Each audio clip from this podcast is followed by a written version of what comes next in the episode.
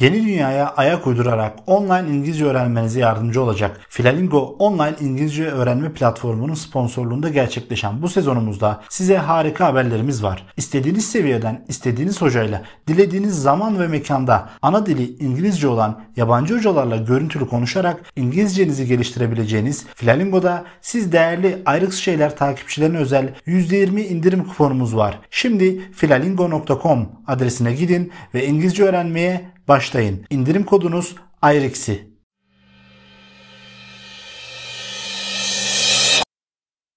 Nazi yargılamaları ne şekilde gerçekleştirildi? Bu yargılamalar günümüzdeki hukuk kurallarına göre incelendiğinde acaba kafalarda birer soru işaretine sebep oldu mu? Naziler hangi suçlardan yargılandılar? Nazi subayları ne cezalar aldı? Beraat eden Nazi subayları var mıydı? Suikastlerden, soykırımlardan, insanlığa karşı işlenen suçlardan dolayı hüküm giyen Nazi subayları oldu mu? Tüm bu soruların cevabını alanında uzman bir hukukçuyla avukat İzzet Bey ile konuşacağız. Kendisi ayrıksız şeylerin sıkı bir takipçisi ve aynı zamanda bu konuyla ilgili özellikle Nazi yargılamaları ile ilgili çeşitli araştırmalar yapan, çeşitli makaleleri ve yazıları olan bir avukat. Evet İzzet Bey yayınımıza hoş geldiniz. Hoş buldum efendim. Nasılsınız? Teşekkür ederim iyiyim. Çalışmalarımıza devam ediyoruz. Hobilerimize koşturuyoruz. İşlerimize bakıyoruz. Ne gibi hobileriniz var? Ayrıksı şeylerden sonra insanın bazı konuları iyice araştırma isteği doğuyor. İster istemez biz de belli konularda öğrenmeye yöneliyoruz. Ufak bir çalışma yaptık. Umarım sizleri mutlu ederiz. Teşekkür ediyoruz. Ben direkt konumuza girmek istiyorum. Konumuza girmeden önce ben size ufak bir test yapmak istiyorum. Nasıl bir test? Bakalım aklınızdaki lideri öğrenebilecek miyim? Olur. Belli sorular soracağım. O sorduğum sorulara biliyorum, bilmiyorum, herhalde, herhalde değil, evet ya da hayır şeklinde cevaplar verebilirsiniz. Ayrıksı şeyler kanalı biziz ama konuklarımız da ayrıksı çıktı. Tamam hazırız başlayabiliriz. Evet karakterimi buldum ve aklımda tutuyorum. Sorularınızı bekliyorum. Peki karakteriniz 30 yaş üstü mü? Evet. Karakteriniz Türk mü? Hayır. Karakteriniz futbolcu mu? Hayır. Karakteriniz Amerika'da mı yaşamakta? Hayır. Karakteriniz Müslüman mı? Hayır. Karakteriniz gerçek mi? Evet. Karakteriniz hala yaşıyor mu? Hayır. Karakteriniz kendi ülkesini yönetmiş mi? Evet. Karakteriniz Alman mı? Hayır. Karakteriniz Rus mu? Evet. Karakteriniz 2. Dünya Savaşı'nda yer aldı mı? Evet. Karakterinizin gür bıyıkları var mı? Evet. Joseph Stalin. Şaka yapıyorsun. Aklınızdan geçeni okurum. Biz sizi avukat biliyorduk ama bayağı siz bildiğin medyum gibi bir şeysiniz o zaman. Yani nasıl bildiniz bunu ya? Pozitif bilimlerle alakalı olan şeyleri daha çok tercih ediyorum. Tabii hepsine saygım var ama medyumluk tabii ki işimiz değil. Öngörü diyelim. Stalin demişken bildiğim kadarıyla Stalin'in bu Dünya Savaşı sonrasındaki yargılamalarda da bir parmağı var diye ben biliyorum ama doğru mudur? Ya da Stalin'in burada nasıl bir rolü var? Ya Stalin 2. Dünya Savaşı'nda çok etkin rol oynuyor. Yargılamalardan önce kendi ülkesindeki Moskova kurmaca davaları dedikleri davada birçok hakimle birlikte ve savcıyla birlikte çalışarak, talimatlar vererek kendisinin karşısında kim olursa olsun rakip gördüğü herkesi bu yargılamalar neticesinde içerisinde ediyor. Stalin'le giriş yapmamızın sebebi Stalin paranoyak bir insan. Yani bu paranoyaklığına ufak bir hikayeyle başlamak isterim. Tabii neden olmasın. Stalin bir gün krevinde partinin önde gelenleriyle birlikte oturuyor. Partinin önde gelenlerinden iki kişi bir yıldızın ismi hakkında tereddüte düşüyor. Tabii bu durumu Stalin'e paylaşıyorlar. Stalin de Moskova Gözlemevi Müdürünü arayarak bu yıldızın ismini soruyor. Gözlemevi Müdürü de tabii Stalin'den gelen telefonu duyunca çok çekiniyor. Moskova Gözlemevi Müdürünü aradıktan sonra Moskova Gözlemevi Müdürü iki tane personelini arıyor. Bunlardan birincisinin evine hızlıca yola çıkıyor. Tabii bu personel evinin önüne siyah bir arabanın yaklaştığını görünce bir panik oluyor. Başta bir korkuyor. Ne olduğunu anlamaya çalışıyor ama kendisinin öldürüleceğinden emin bir şekilde kapıya doğru yaklaşıyor. Kapıya yaklaşırken çok fazla stres oluyor ve kalp krizinden ölüyor. Tabi gözleme müdürüne kapı açılmıyor. Daha sonra gözleme müdürü açılmayan kapının üzerine diğer personelin yanına gidiyor. Diğer personeli de gene evinin önünde siyah bir arabasının kendine doğru yaklaştığını görünce olayın gene korkusuyla birlikte kendisinin öldürüleceğini düşünüyor. Onlar beni öldürmeden ben kendim intihar ederim diyor. Yüksek katlı binadan aşağı atlıyor ve o da intihar ediyor. Gözlemevi müdürü Üçüncü personelin evine doğru gidiyor. En nihayetinde o yıldızın ismini öğreniyor ve derhal Stalin'i arıyor. Yani bir yıldızın ismi iki kişinin canına mal oluyor. Yani Stalin'in paranoyaklığı ülkedeki herkesi sarıyor. Yani sadece Stalin paranoyak değil, bütün ülke paranoyaklaşmış bir vaziyette. O dönemki yönetimin zalimliğinden dolayı böyle anlayabilir miyiz? Kesinlikle anlayabiliriz. Çünkü Stalin kendisine tehlikeyi gördüğü herkesi vatana ihanetle ve ajanlıkla suçlayıp bir şekilde tetikçi hakim ve savcılarla idam ettiriyor. Savaş sırasında olmasına gerek yok. Zaten kendi iktidarı döneminde kendisine muhalif olarak gördüğü herkesi kurmaca yargılamalarla mahkum edip sonrasında da idam ettiriyor. Doğru mu? Kesinlikle doğru. Hatta Stalin'in bunu yapmasındaki en büyük sebep, yargılama eliyle bunu yapmasının en büyük sebebi olayın şahsi olarak görünmesini istemiyor. Yani kendisi kurmaca dünyasını yargıya yansıtıp yargının verdiği kararı herkesle birlikte herkese kabullendirmek istiyor. Kendi kurmaca dünyası eşittir yargı, yargı eşittir objektiflik demek oluyor Stalin açısından. Yani gerçekten o dönemde Rusya'da komünist olmak bu dönemde komünist olmaktan daha zor herhalde. Yani bile bile bir ideolojiye sahip olmak var. Bir de bile bile ama istemeyerek. Komünizm her zaman zor. Komünist olmak çok zor. Şimdi baksana yani bu olacak şey mi? Stalin'in paranoyaklığından dolayı bir yıldızın ismini öğrenebilmek adına korkudan iki tane adam kendi canına kıyıyor. Biri kalp krizi biri atlıyor. Canlarından oluyorlar. Bu sadece bununla da kalmıyor. Gerek ülkesinde yaptırdığı yargılamalar gerekse suikastlerden zaten o dönemde Rusya'da yaşamanın komünist olmadan yaşamanın ne kadar zor olduğunu anlıyoruz. Komünist olanlar da bence zor şartlar altında. Niye diyeceksin? Hiçbir şekilde düşünmemen lazım. Yani sistemin çarklarından bir tanesinin işlemediğini düşündüğün bir an bunu asla dile getiremezsin bu sistemde. Yoksa sen de bir muhalif ilan edilip bu şekilde canına kıyılabilir. Nitekim Troçki'ye aynısı olmadı mı? Yani Troçki'de olsan Buharin'de olsan alt düzey bir komünist de olsan, üst düzey bir komünist olsan, görevli de olsan, görevde olmasan da fark etmez. Yani çarklara çomak sokmaya çalıştığın an sistem seni direkt egal etmeye çalışıyor. Buradan hareketle Joseph Stalin'in savaş sonrası o elindeki güçle yani Almanya'yı perişan eden ta Stalingrad'dan başlayıp Polonya'ya aşıp Berlin'e gelen Rus ordusunun bulundurduğu güçle Savaş sonrası döneme Stalin bir tesiri olmuş mudur? Şöyle ki ilk başta bu yargılama sürecinin başlamasından bir 2-3 sene önce yani 1945 yılından bir 2-3 sene öncesinde bu müttefik devletlerin liderleri görüşüyorlar. Görüşmelerinde özellikle dönemin İngiltere Başbakanı Churchill yargısız infaz noktasında kendi düşüncelerini beyan ediyor liderlere. Yani şunu mu diyor? Nazileri biz yargılamayalım. Nazileri doğrudan idam edelim. Nazi subaylarını yakaladığımız bütün Nazi subaylarını idam edelim. Doğrudan idam edelim. Hatta bu Vogel Frey kişiler olarak ilan edilmesini istiyor bütün Nazileri. Sayın avukat bu Vogel Frey ne demek tam olarak? Hukukun korunmasından yararlanamayan kişiler. Hukukun korumasından yararlanamayan kişiler. Yani bir kişinin hukukun korumasından yararlanamama diye bir durum söz konusu olabilir mi? Bir avukat olarak soruyorum size. Hukuk herkese eşittir. Yani suçluya da suçsuza da eşittir. Suçluluk mahkeme önlerinde hükümle tespit edilinceye kadar herkes masumdur. Normal şartlarda masumiyet karinesinin çalıştığı şu anki dönemde, kısmi olarak çalıştığı şu anki dönemde böyle. Ama o dönemde siyasi kararlarla insanları bu şekilde hukukun korunmasından yararlanan veya yararlanamayan kişiler olarak ayırt edebiliyorlar. 1943 yılında Moskova'da Dış İlişkiler Bakanlığı konferansında müttefik devletler bir araya geliyor. Konferansta savaş suçluların bulunması, yakalanması, suçu işledikleri yere iadesi gibi konular üzerinde durup anlaşıyorlar. Yani daha savaş bitmeden aslında savaşın sonuna yaklaştıklarının farkındalar. Savaşı kazanacaklarını düşünüyorlar. En sonunda da bugünden yani savaş bitmeden önce eğer savaşı kazandığımız takdirde düşmanı yakalarsak onlara ne yapacağızın sorusunun cevabını arıyorlar. Doğru mu? Kesinlikle. Hatta Churchill'ın önerisiyle sorumlulukları belirli bir coğrafi alanla sınırlandırılamayan savaş suçlularının müttefik devletlerin ortak kararına istinaden cezalandırılması şartı talep ediyor. İlk başta Stalin bu noktalar üzerinde uygun görüş veriyor, olumlu görüş veriyor. Daha sonra Roosevelt ve Churchill kendi aralarında bir görüşme yapıyor. Dönemin Amerikan Hazine Bakanı Morgenthau'nun kırsallaştırma politikası var. Bu politika nedir? Almanya'nın tamamıyla kırsallaşması, sanayiden uzaklaştırması ve insanları yeniden iskanla dağıtması ve bölmek. Bu Morgenthau meşhur uluslararası ilişkilerde derslerde okutulan Morgenthau'nun ta kendisidir. Aynı zamanda Morgenthau planında 50-100 dünya çapındaki Nazi'nin yargısız infazına karar verilmesini istiyor. Daha sonra bu görüşmeden Stalin'in haberi oluyor. Haberin olması şu şekilde. Kırsallaşma anlaşması basına sızıyor ama inf- infazlar basına sızdırılamadı bu dönemde. Stalin çok sinirleniyor ve yargılamanın gerekliliğini net bir şekilde dile getiriyor. Hatta bunun üzerine dönemin Britanya Başbakanı ABD Başkanı'na Stalin'in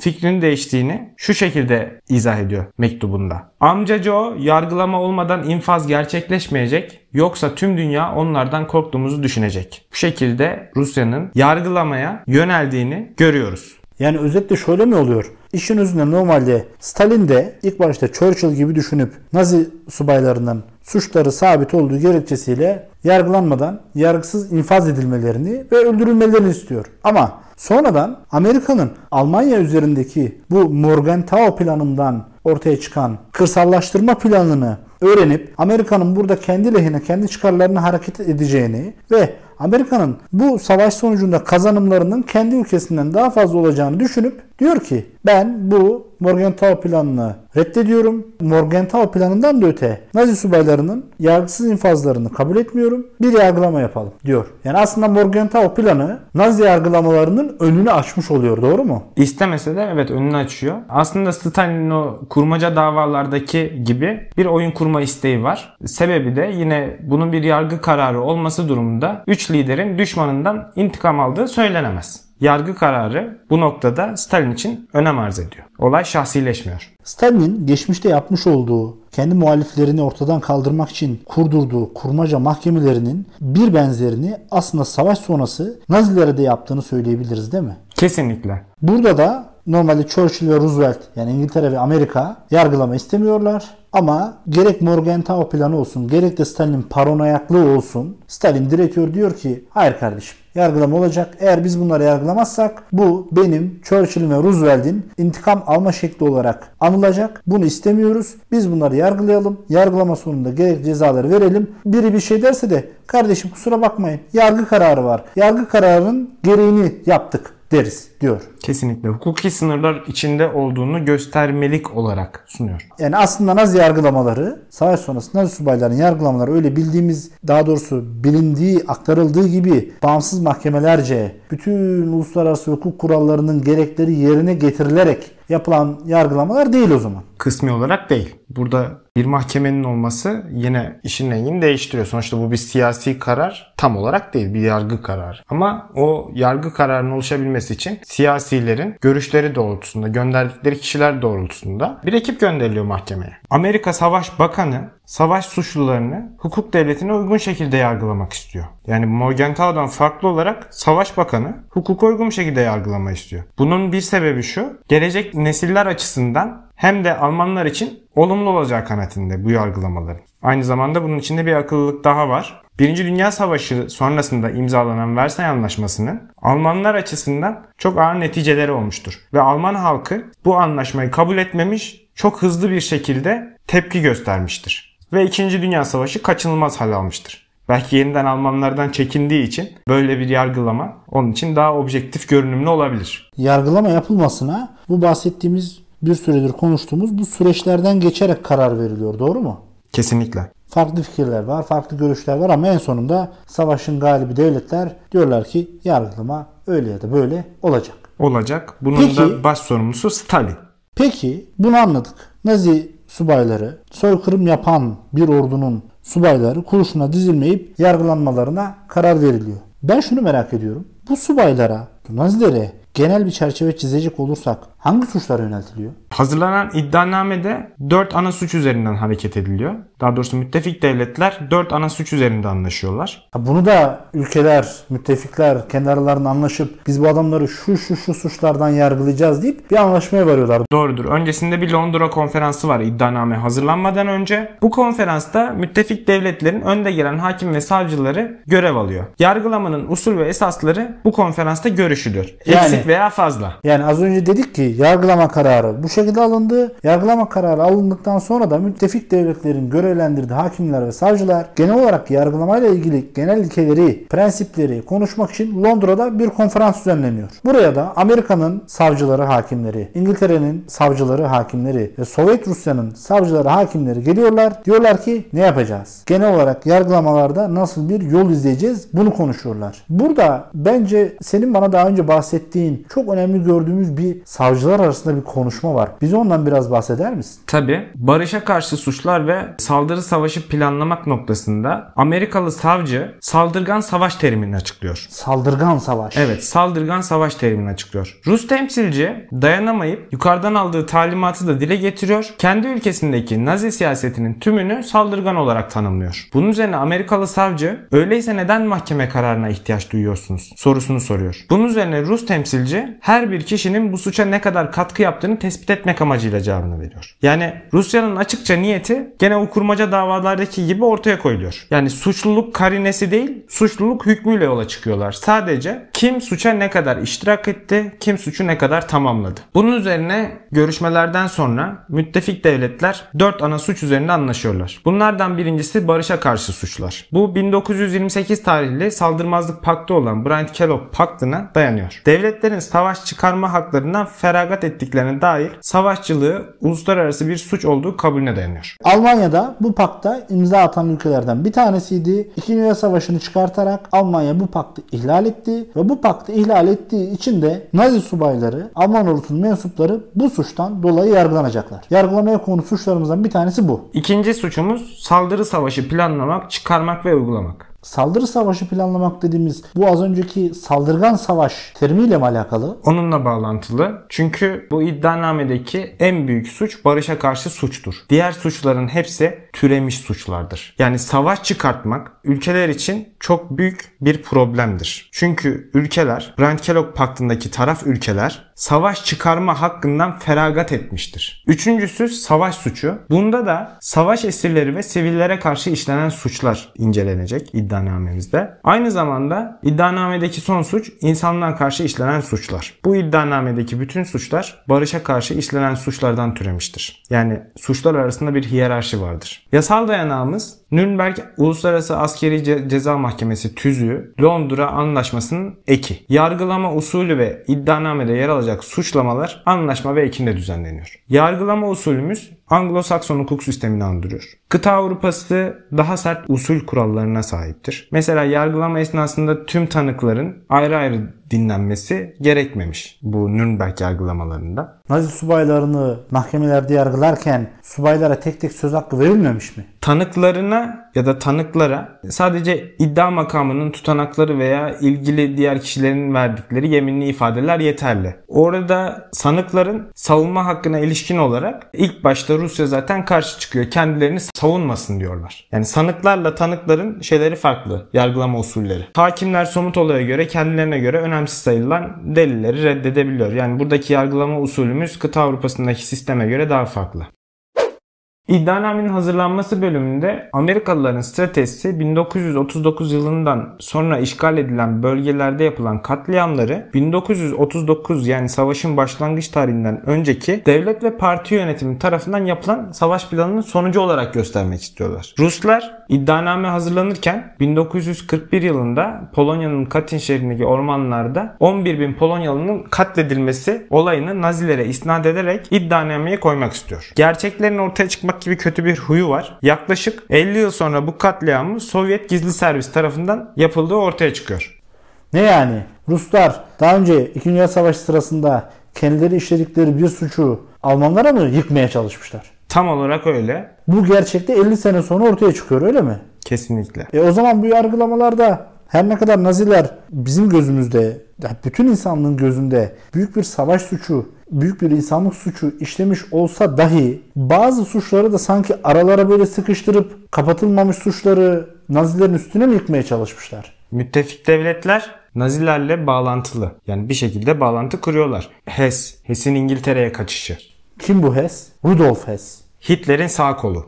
Ve aynı zamanda Hitler'in hapishane günlerindeki bir numaralı arkadaşlarından bir tanesi. Hatta rivayet odur ki Kavgam isimli eseri Hitler'in söyledikleri üzerine ilk kaleme alanın Hess olduğunu biliyoruz. Bu Hess dinleyicilerimize burada kısa bir anekdot olarak aktaralım. Bir süre sonra İngiltere'ye kaçacak ve İngiltere'den sığınma talebinde bulunacak ama yargılanıp ceza alıp hapse atılacak. Hapse atıldıktan sonra aklı dengesini iyice kaybetmeye başlayacak ve çok ileri yaşlarda iken intihar edip hayatını kaybedecek. Hatta Stalin Hess'in İngiltere'de olmasından dolayı çok rahatsız. Acaba İngilizlerle Naziler bir anlaşma mı yapıyor? Şeklinde gene bir paranoyak düşünceye girerek İngiltere'yi sürekli kontrol etmek istiyor. Aynı zamanda Rusların ve Nazilerin arasında imzalanan Polonya'yı paylaşma ve saldırmazlık paktı iddianameye yine koyulmuyor. Tabii koyulmaz. Çünkü Amerika, İngiltere ve Rusya'dan oluşan, bunların temsilcilerinden oluşan hakimler, savcılar bu iddianameyi hazırlarlarsa daha önce Rusların ittifak yaptığı, saldırmazlık paktı imzaladığı bilinen bir gerçek. Bunu iddianameye alırlarsa bu sefer Rusya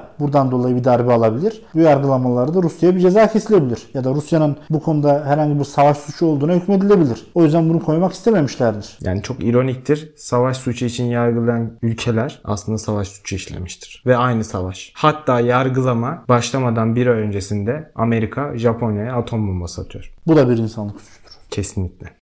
İddianame bir taraftan hazırlanırken bir taraftan da kanıt toplanmak için e, müttefik devletler ekiplerini kuruyor ve Almanya'ya ve işte çevre ülkelere gönderiyor. Savaş suçlarının işlendiği ülkelere gönderiliyor. Yani bir yargılama olabilmesi için öncelikle bir iddianamenin olması lazım. İddianamenin oluşturabilmesi için de ellerinde delil, kanıt, bu nitelikte bilgi belgelerin olması lazım. Tabii ki yani yargılamanın aşamaları soruşturma aşaması ve kovuşturma aşaması. Bu noktada Amerika bilgi ve belgeleri toplamak için CIA'nin selefi olan Stratejik İşler Dairesi'ni görevlendiriyor. Yaklaşık bir 2000 kişiyi falan bölgeye gönderiyor delil toplaması için. Aynı zamanda bu yargılamada bir kıta Avrupa'sında delil olarak ilk defa kullanılacak olan belgeseller var. Yani görsel bir delil. Amerika 1942'den itibaren muharebe ortamını görüntülenmesi için film ve fotoğraf ekibi kurmuş. Her ay onlarca fotoğraf karesi ve 25 kilometre uzunluğunda film şeridi gönderiyor. Savaşın son aylarında kilometrelerce video inceleniyor. Aynı zamanda yine savaşın son aylarında Sovyet hükümeti katliamları fotoğraflıyor hatta otopsileri kayda alıyor. Yine bu görüntülü delillerden SS koruma tirimi tarafından yasaklanmasına rağmen kurşuna dizme, işkence ve idamlar video delillerle birlikte mahkemeye sunuluyor. Bu video delillerin en büyük özelliği aynı zamanda faillerin şahsiyetleri hakkında bilgi vermesi. Bu belgesel ve görüntüler Amerikan savcılar tarafından suçluluğun ilk görünüş ispatı olarak değerlendiriyor. İlk görünüş ispatı kesin olmayan ancak başka bir delille de aksi kanıtlanamayan nedensellik ve kusur ispatındaki geçerli kabul edilen delil. Yani hanımca masumiyet karinesinin bir iki numaralı falan düşman oluyor. Yani Rusların direkt suçlu hükmü verip yargılamasından sonra bu da yine bir aksi kanıtlanabilir ama aksi ortaya çıkana kadar suçluluk içeren bir ispat şekli. Ayrıca bu belgesellerin mahkemede delil olarak gösterilmesi Nazi yönetimine karşı askeri mücadelenin meşruiyetini de güçlendiriyor. Bu iddianamede delil olarak kullanılan aynı zamanda Almanya'nın Polonya valisi Hans Frank'ın günlüğü de delil niteliğinde sayılıyor. Ne yazmış buraya Hans Frank? Hitler'den aldığı emirler, toplama kamplarında olan insanlık dışı vahşetler, katledilen insanlar, ne gibi talimatlar verildi ya da üzerinde bilimsel çalışma yapılıp yapılmadığı insanlık açısından utanç verici bir dönem. Yani bütün insanlık dışı eylemlere herhalde rastlanıyor ki delil olarak kullanılmış. Yine tanıklar arasında Rusya, Siyonist Teşkilat Başkanı'nı tanık olarak ifadeye çağırıyor. Ama Britanya'nın Filistin politikası sebebiyle bu durumun olumsuzluklar yaratabileceği düşünülerek reddediliyor. Şimdi burada başka siyasetler de var demek. Yani zaten 2. Dünya Savaşı sonrası İsrail 1948'de kuruluyor. Savaştan 3 yıl sonra kuruluyor. O dönemde de İngiltere'nin o bölgede yoğun faaliyetleri var. Amerika'da yoğun bir şekilde orada bir İsrail devletinin kurulmasını, bir Yahudi devletinin kurulmasını destekliyor. Ya aslında şöyle bir şey oluyor yani. Bütün herkesin ortak karar kıldığı bir yargılama yapılmaya çalışılıyor. Vay efendim sen ki o tanrı getirirsen İngiltere bozulur. Vay efendim sen bunu iddia edersen Rusya bozulur siyasi kaygıların da güdüldüğü ama bir yargılamanın da yapılmaya çalışıldığı bir döneme denk geliyoruz. Aynı zamanda bu Auschwitz'ten sağ kurtulan Polonyalılar da bilgi veriyor. Mesela Reinhardt operasyonu denilen bir operasyon var. Bu operasyon Polonya'da yaşayan tüm Yahudi ve Romanların sistematik bir şekilde öldürülmesini öngören bir Nazi planı. Bu bilgi çok önemli yargılamanın seyri açısından. Aynı zamanda kamplardaki yaklaşık 10-12 bin kişinin günlük öldürüldüğü yine belgelere ve görüntülere rastlanıyor. En yakın Hitler'in yazılı olarak emri bulunuyor. Toplam kaç kişi o toplama kamplarında öldürülmüş? Yaklaşık bir senede 900 bin kişi gaz odalarında boğularak öldürülüyor. Toplama kamplarındaki sayı değil, toplamda 2. Dünya Savaşı'nda katledilen Yahudi sayısı kaynaklarda değişkenlik gösteriyor ama 5 milyon 700 bini aşıyor. Ve buna ilişkin bazı bilgiler, belgeler ortaya çıktıkça da iddianameye bunlar delil olarak yargılama sırasında önlerine sürülebilmek için ekleniyor. O dönemde Naziler akıllı insanlar, sistematik insanlar, gidici olduklarını anladıkları zaman birçok bilgi ve belgeyi de yok ediyorlar. Kanıt bulmakta müttefik devletler çok zorlanıyor. En son 1942 yılına ait Hitler'in her düşmanın öldürülmesi emrini buluyorlar. Ne diyor bu emirde Hitler? Yakalanan her düşmanı sorgusuz sualsiz öldürün. Ama düşman tanımı genel bir tanım, spesifik bir tanım değil. Yani doğrudan birini işaret etmiyor. Nazi olmayan herkes düşman zaten. Aynı zamanda kanıt bulma sırasında müttefik devletlerin kendi iç çamaşırları da ortaya çıkıyor. Hitler'le bağlantıyı geçip birçok aleyhine delil oluşturabilecek ülkeler açısından birçok belgeye de ortaya çıkıyor. Ama tabii müttefik devletler arasında bir yarış başlıyor. Hatta o dönemde Savaş Bakanlığı çalışanı müttefikler belgeleri bulmak için kıyasıya rekabet içine girdiler. Herkes birbirinin aleyhine çalışıyor ve kim ne olursa hemen alıyor şeklinde ifadesi var.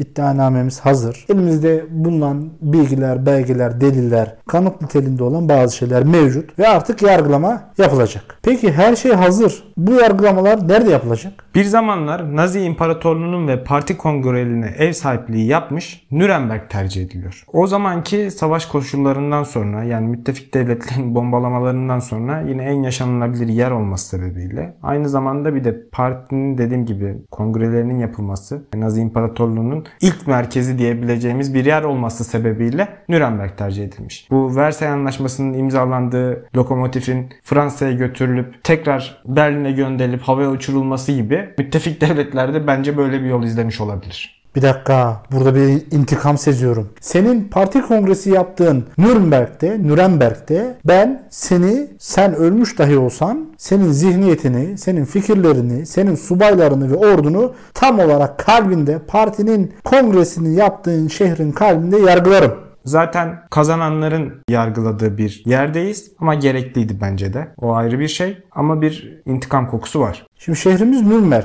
Nürnberg. Binamız neresi burada? Yargılamanın yapılacağı bina eskiden de bir bildiğim kadarıyla mahkeme. Ama tabi bombalamadan sonra müttefik devletlerin bombalamasından sonra e, yıkılıyor. 10 milyon imparatorluk markı harcanarak tekrar restore ediliyor. Restore edildikten sonra bu bina kullanılıyor yargılamalar için. Peki yargılamaya kimler geliyor? Yani elimizde bununla ilgili e, sayılar var mı? Amerikalılar mahkemeye 2000 tane delege oluyor. Yani bu delegasyonda Amerikalılar her yerdeki gösterişli tavrına devam ediyor. Britanya 170 tane delegasyon gönderiyor. Sovyetler 24 tane, Fransızlar da 12 tane delege gönderiyor. Aynı zamanda gözlemci statüsünde Polonya, Yugoslavya, Çekoslovakya, Danimarka, Norveç, Hollanda ve Yunanistan da delege gönderiyor. Amerikalılar 1933'ten sonra Almanya'dan Amerika'ya kaçan Yahudileri delege olarak özellikle göndermeye çalışıyor. Aynı zamanda 20 farklı milletten 250 tane de gazeteci var. Bu gazetecilere Baron Faber-Castell'in villası tahsis ediliyor.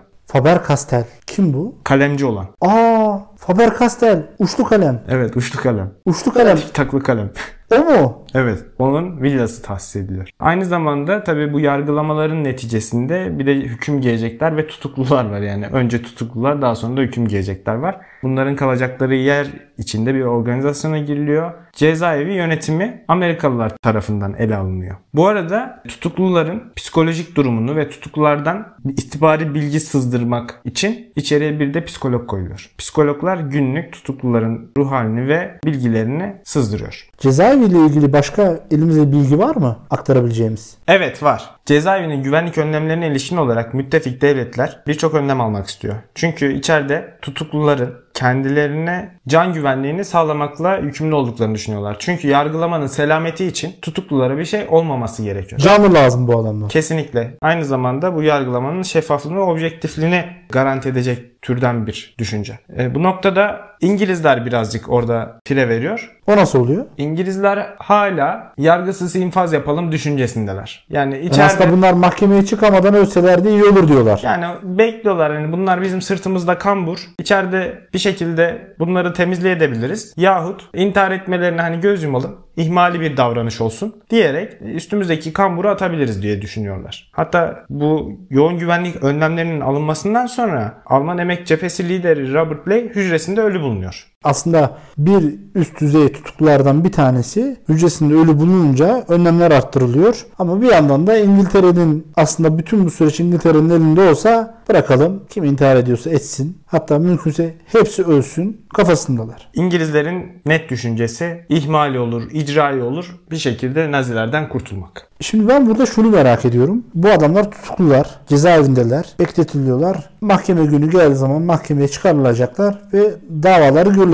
Tutukluyken bile bu şartlarda olan insanlar, işte işlerinde intihara meyilli olanlar var, psikolojik sorunlar yaşayanlar var ya da tam tersine çok iyi durumda olanlar var. Ama aslında birçoğunun ölmesi isteniyor. Ortadan kaldırılması isteniyor. Bunlar diğer devletlere göre sırtlarında bir kambur olarak görülüyor. Şimdi bu adam tutukluyken bu düşünceler varsa, bu adamlar sanıkken bu adamlara karşı nasıl bir tavır sergilenmiş? Sanıkken bunlara haklarından yana sorun yaşatıyorlar mı? İddianameler hazırlandıktan sonra tutuklulara ilk başta avukat ya da hakimle gibi görüşme imkan tanınmıyor. Tutukluların eline iddianame yargılamadan çok kısa bir süre önce ulaşıyor. Bu da ister istemez savunma hakkının kısıtlanması anlamına geliyor. Sen bir avukat olarak, bir hukuk adamı olarak şunu diyorsun o zaman doğru mu anlıyorum? Nazi subayı da olsa, soykırım suçu işlemiş de olsa bu insanlara yargılama içerisinde sanık hakları tanınmalıydı ve bunların birçoğu sanki ihlal edilmiş gibi bugünden böyle anlıyoruz diyebilir misin? Kesinlikle diyebiliriz. Başka neler var burada sanık hakları ile ilgili? En önemlisi mesela avukatları diyoruz. Avukatlarıyla görüştürmeme diyoruz. Şimdi avukatlarının olup olmadığını aa diyorlar biz yargılıyoruz ama bu sanıkların avukatı yok. O zaman bizim bunlara hemen bir avukat temin etmemiz lazım. O esnada tabi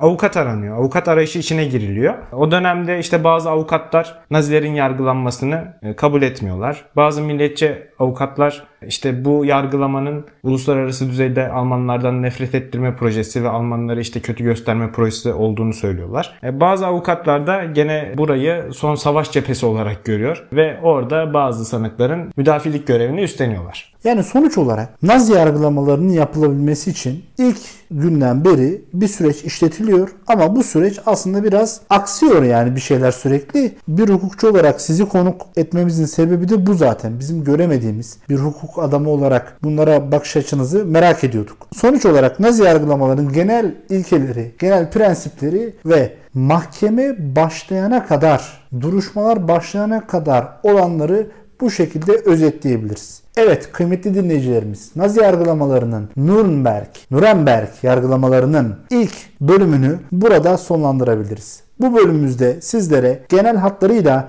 duruşma salonunda duruşma başlayana kadar olan süreci aktarmaya çalıştık. Bu bölümde bana eşlik eden ve kıymetli katkılar sunan İzzet Bey'e çok teşekkür ediyorum. Bir sonraki bölümde görüşmek üzere. Teşekkür ederim. Hoşçakalın.